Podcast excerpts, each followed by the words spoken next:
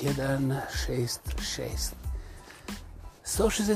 slama sa vama, samoproglašeni lingvistički aktivista, monumentalno autentični, ja pa ja, a ko bi drugi, Vladimir Kreća sa predivnih stinovitih planina. ono staro, neću vas pitati kako sam. Vidite kako sam strašno ponosan na sebe što sam otkrio kako, bez obzira na logiku, ne logiku ili nešto, 94. Nje, sa takvim pitanjima ne stižemo nikuda, ali evo i samim tim što sam uspio da održavam dan za danom, možete primijetiti kako je meni stalo ne samo do mene lijepog mladog plavog, nepogrešivog, visokog, nedebelog, i onda sve tako redom, na kraju stoji hvala što ste vidjeli skromnoga, pa da, to je to. Ovaj, stalo je meni do vas, jer bez vas ne bi bilo. Eh, recimo, manje više kada se sve odbije, čovjek se ne želi kretati u svijetu u kojem nema ljudi. Čovjek, ako je imalo čovjek, ne želi ni disati, a kamoli govoriti u svijetu opet u kome nema ljudi. I da budemo jasno kao i uvijek, moji ljudi su ljudi, a dolje, mislim, u gaćama šta imaju, šta nose, to vidite, ja uopće ne razmatram, jer ja gledam gore, znači u glave, u oči, u lica ljudi. Dakle, ja ne vršim smotru spolovilnog opredeljenja ili podrijetla ili to već ne mogu biti sklonosti nego neke darovitosti manje ili veće, jeli? Uglavnom, je, promošena diskusija, dragi moji ljudi. Dakle, vaše postojanje je za mene dovoljno, a onda, kad ponekad zavirim na ove brojke, ja onako baš se uobrazim. Dobro, nemojte to reći ovima koji me slušaju, da ljudi ne poobignu. Ovaj, ali eto, i moj ego nije baš pobjegao sasvim. Ima uvijek, ima uvijek zrnce koje je uvijek negdje ispod oka. Tu čeka svoju šansu. Ali, znaš, dogod ne vlada, dogod nije glavna riječ oko toga, ja sam sasvim okej okay sa tim. Dakle, vjerujući da ste mi svi danas zdravo i veselo, ja ću vam ispričati malo takozvanih modernih bajkica, koje su valjda moderne zbog toga što je na kalendaru. Dakle, u ovo naše vrijeme suvremeno. Međutim, nema tu ništa moderno.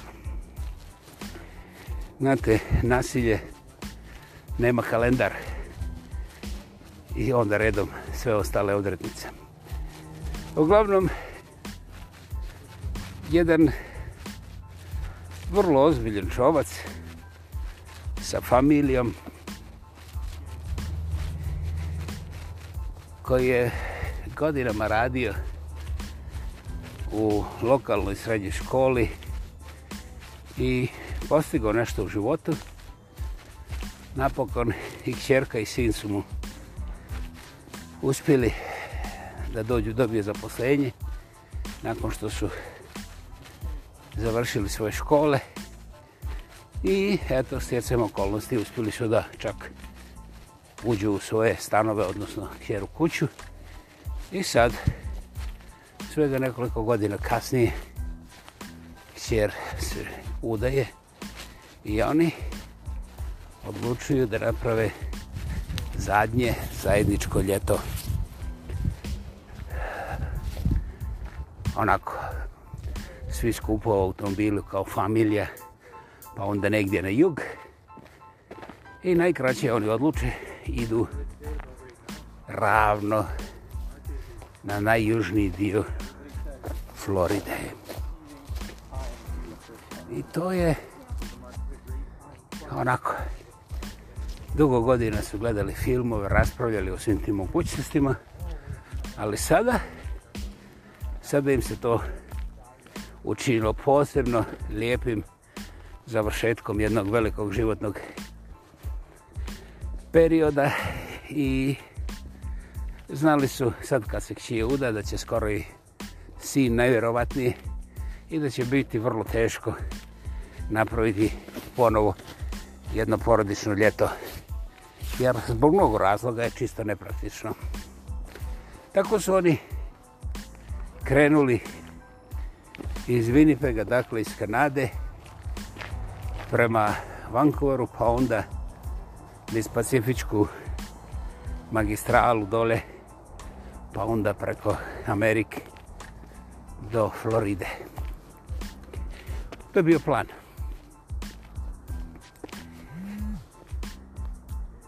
I onda...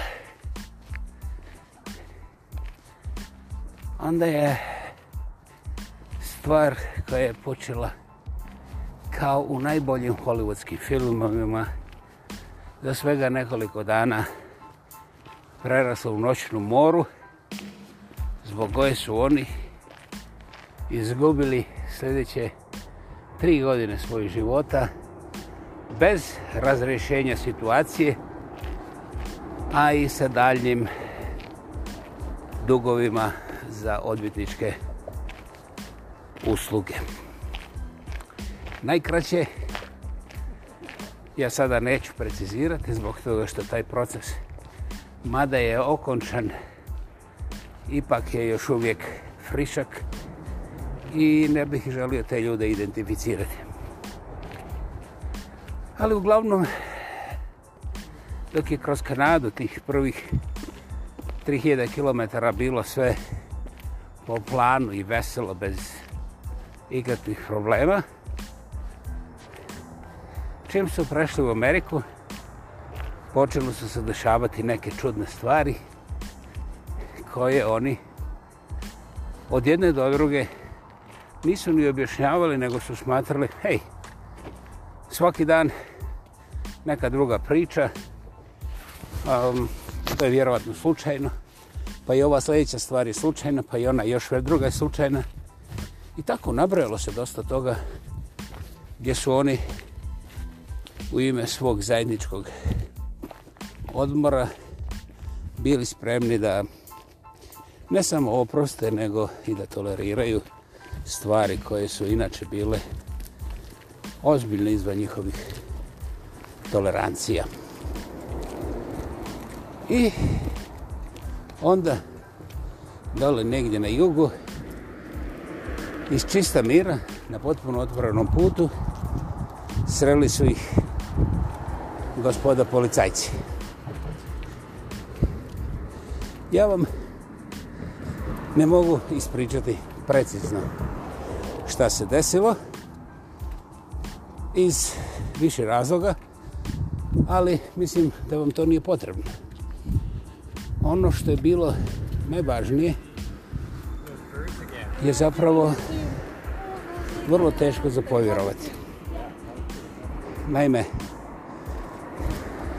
usred bijela dana, zapravo 15-27 minuta nakon njihovog ručka, negdje u pustoj preriji, ispred njih iskoči policijsko auto. I dok je policajic prilazio od nekud, kao raketla stvori se i drugo policijsko auto.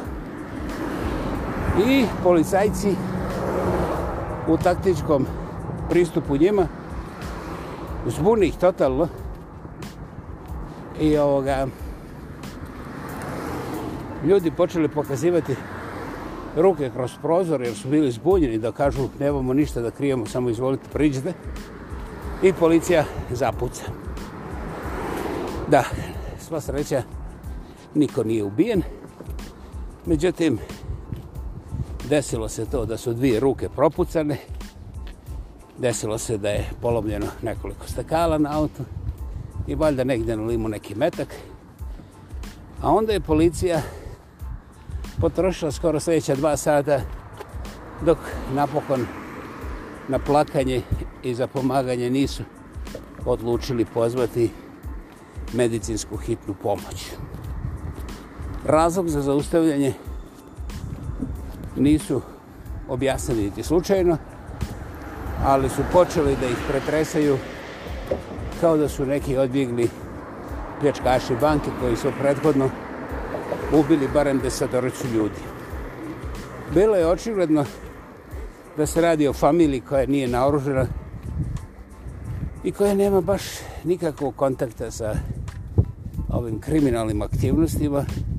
Međutim, ništa od toga nije usporilo četvoricu policajaca da nastave sa taktičkim pretraživanjem gotovo satima. Medicinska hitna pomoć je došla ukupno negdje oko 3,5 sata nakon ranjavanja, a oni su tu na cesti bili sveukupno gotovo 5 sati da bi ih onda policija iz potpuno nepoznatog razloga odjednom ostavila na cesti i isparili kao da se ništa nije desilo. Oni su još pola sata bili zbunjeni, to je bio otac, otac i kćer, mati i sin su bili pogođeni u ruke na različita mjesta. Oni su bili u bolnici. I onda su oni, pamteći na koju stranu je otišao ovo vozilo medicinske hitne pomoći, uspjeli nekako da dođu do toga mjesta i da otkriju u kojoj bolnici se nalaze mati i kćer. i sva sreće, pošto ozide nisu bile opasne po život, oni su samo završili sa ozbiljnim računom za tu medicinsku intervenciju, gdje im je rečeno da još mogu dobiti dodatni račun, jer kao transport nije uračunat, onda lijevo desne još neke stvari za koje ja baš nisam siguran. Uglavnom, ja znam da je taj prvi inicijalni račun bio negdje oko 3000 američkih dolara, a kasnije su oni dobili nalog da plate još nekih 20 i neku tisuću dolara zbog razno raznih elemenata te operacije. Vrlo interesantno. I kad su se oni smirili, odlučili su da odu prespavati u najbliži motel koji su mogli naći da se smire i sutradan ujutro su otišli na policiju da to prijave. Međutim, na policiji su doživjeli nove neugodnosti. Prije svega morali su da čekaju ovoga pa onoga i onda tako u krug dok ih najzad nije primio nekakav običan ofis činovnik, znači birokrata, koji ih je pitao šta, on, šta oni tu traže, šta hoće. Onda su oni rekli da su teke policija zaustavila. Onda je ovaj njih pitao je to bila kriminalna policija ili ova prometna policija ili kombinirana policija. Ljudi su ostali njemi jer oni su zaustavljeni na glavnoj magistrali i u to vrijeme je bila gotovo prazna i ovaj za njih policija izgleda policija, oni ne razlikuju vrste američke policije. Pa zašto vas je policija zaustavila? Pa nisu ne rekli kako je moguće da vas nisu, nisu rekli ako su vam zaustavili. I uglavnom, sva ta birokratska pitanja su završila na tome da je ovaj čovjek izgubio živce i rekao koga vi štitite. E, onda se ovaj birokrat naljutio i rekao, znate šta, Sada ćete se vi malo smiriti ovde jer vi ne poštujete policijske činovnike. Vjerovatno ste zato imali problema sa tom policijom. A druga stvar, nema nijednog dokaza da je vas zaustavila nijedna patrola. Evo, ja sam sada zamolio moju sekretaricu da mi donese sve reporte od jutra. I to o čemu vi govorite ne postoji. Šta vi zapravo želite od nas? Hvala da tu noć cijela familija je završila ne u zatvoru, nego u nekoj vrsti pojedinačnog ispitivanja koje je trajalo eh, vjerovatno kao kazna, ali to tako niko nije nazvao, koje je trajalo sve negdje do pola četiri ujutro, tako da su oni potpuno izmrcvareni negdje oko pola pet, pet napokon uspjeli izaći iz policije, potpuno neobavljeno posla, sasvim izmrcvareni, više ne vjerujući ni sebi da li je sve slučajno noćna mora ili samo nesporazum. Ono što je u cijeloj priči zanimljivo, ne radi se o crancima i marsovcima, ne radi se o ljudima koji govore neke druge, treće, četvrte jezike, pa da se desio jezički nesporazum. Znači, jedna, moglo bi se reći, pristojna srednjeklasna kanadska familija u jednoj državi američkoj dole, negdje malo bliže jugu. Ovaj, I kao što vidite, sada više nija nemam rječnik, nego moram reći u nekakvom prometnom nesporazumu gdje je bilo i pucnjeve i ranjavanja i onda isparavanja, kao, kao u nekom jeftinom filmu. I oni su šetali do podne gradskim parkom, ne bivajući sigurni šta im se dešava, zašto im se dešava, šta bi trebalo raditi, mislim. Ljudi su naravno bili u šoku, I to je bilo jedno magnovenje gdje oni nisu znali gdje se nalaze više. Onda se desilo da oni ostave svoje auto na parkingu lokalnog aerodroma i kupe karte i najkraćim putem se vrate u Kanadu. I to je također ispostavilo se kao vrlo vrlo loš potez. Policija je nekako došla do tog auta, ali nikad nije potpisala. Otvorili su auto, opet su ga pretražili i našli su neke stvari za koje familije tvrdi da nikad nisu pripadale njima i da oni takve stvari, pošto su se vratili zbog svoga zdravlja i zbog svoje sigurnosti u Kanadu, nikada ne bi pomislili imati sa sobom. Naravno, to su i u procesu ostale samo stvari. Detalje o tim stvarima ne znam nija, ali to je bio veliki uteg u procesu.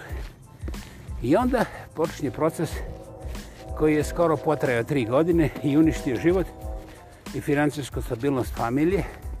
Da, vjenčanja toga je, te jeseni stvari nije bilo. Zanimljivo je i to, i to je veliki gubitak.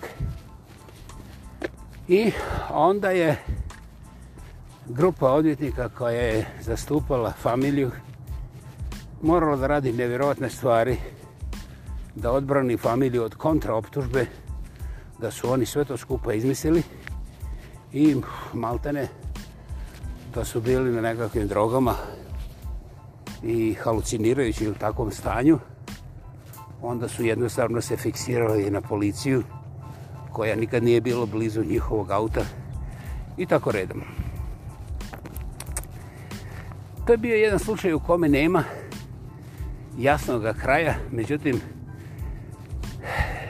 za mene je bilo veliko olakšanje kad sam shvatio da su ti ljudi koji su bili optuženi za nevjerovatne stvari plus za nevjerovatni trošak sudskog procesa, da su napokon uspjeli postići dogovor s američkom policijom te saveze države, gdje su oni odlučili da zaustave postupak protiv njih, a onda ovi će odlučiti da zaboravaju postupak protiv njih, tako da policija neće od njih tražiti nikakvu oštetu.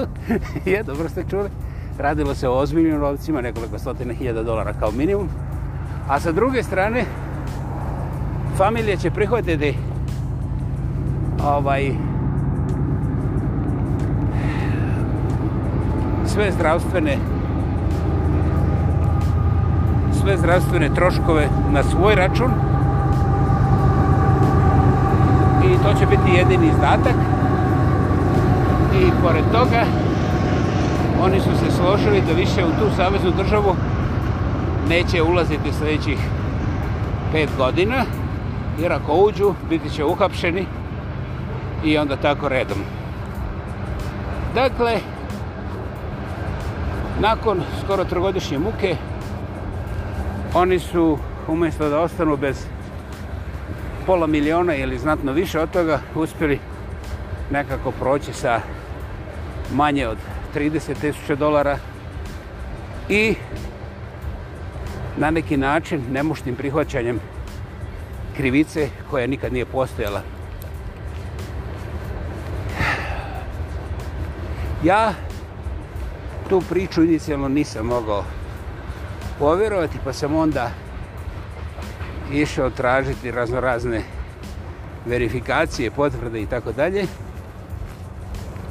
I onda sam naišao na dosta drugih sličnih priča koje su istinski potpuno fantomske.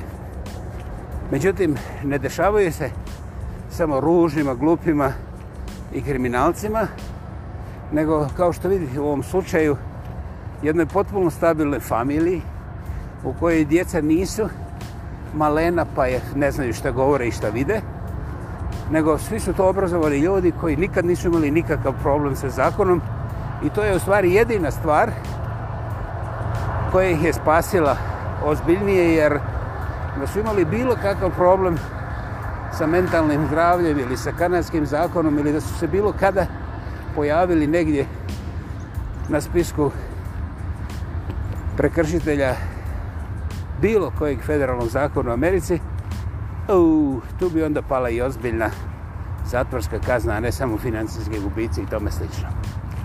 Eto, dragi moji, to je epilog za koji ja nikada, nikada ne bih pomislio da može takav biti, međutim, Ne morate povjerovati, ovo je doista noćna mora, a ja istražujući barem okvire svega toga da verificiram je li imeni možda palo malo halucinacija, sam otkrio jedan veliki broj misterioznih susreta kanadskih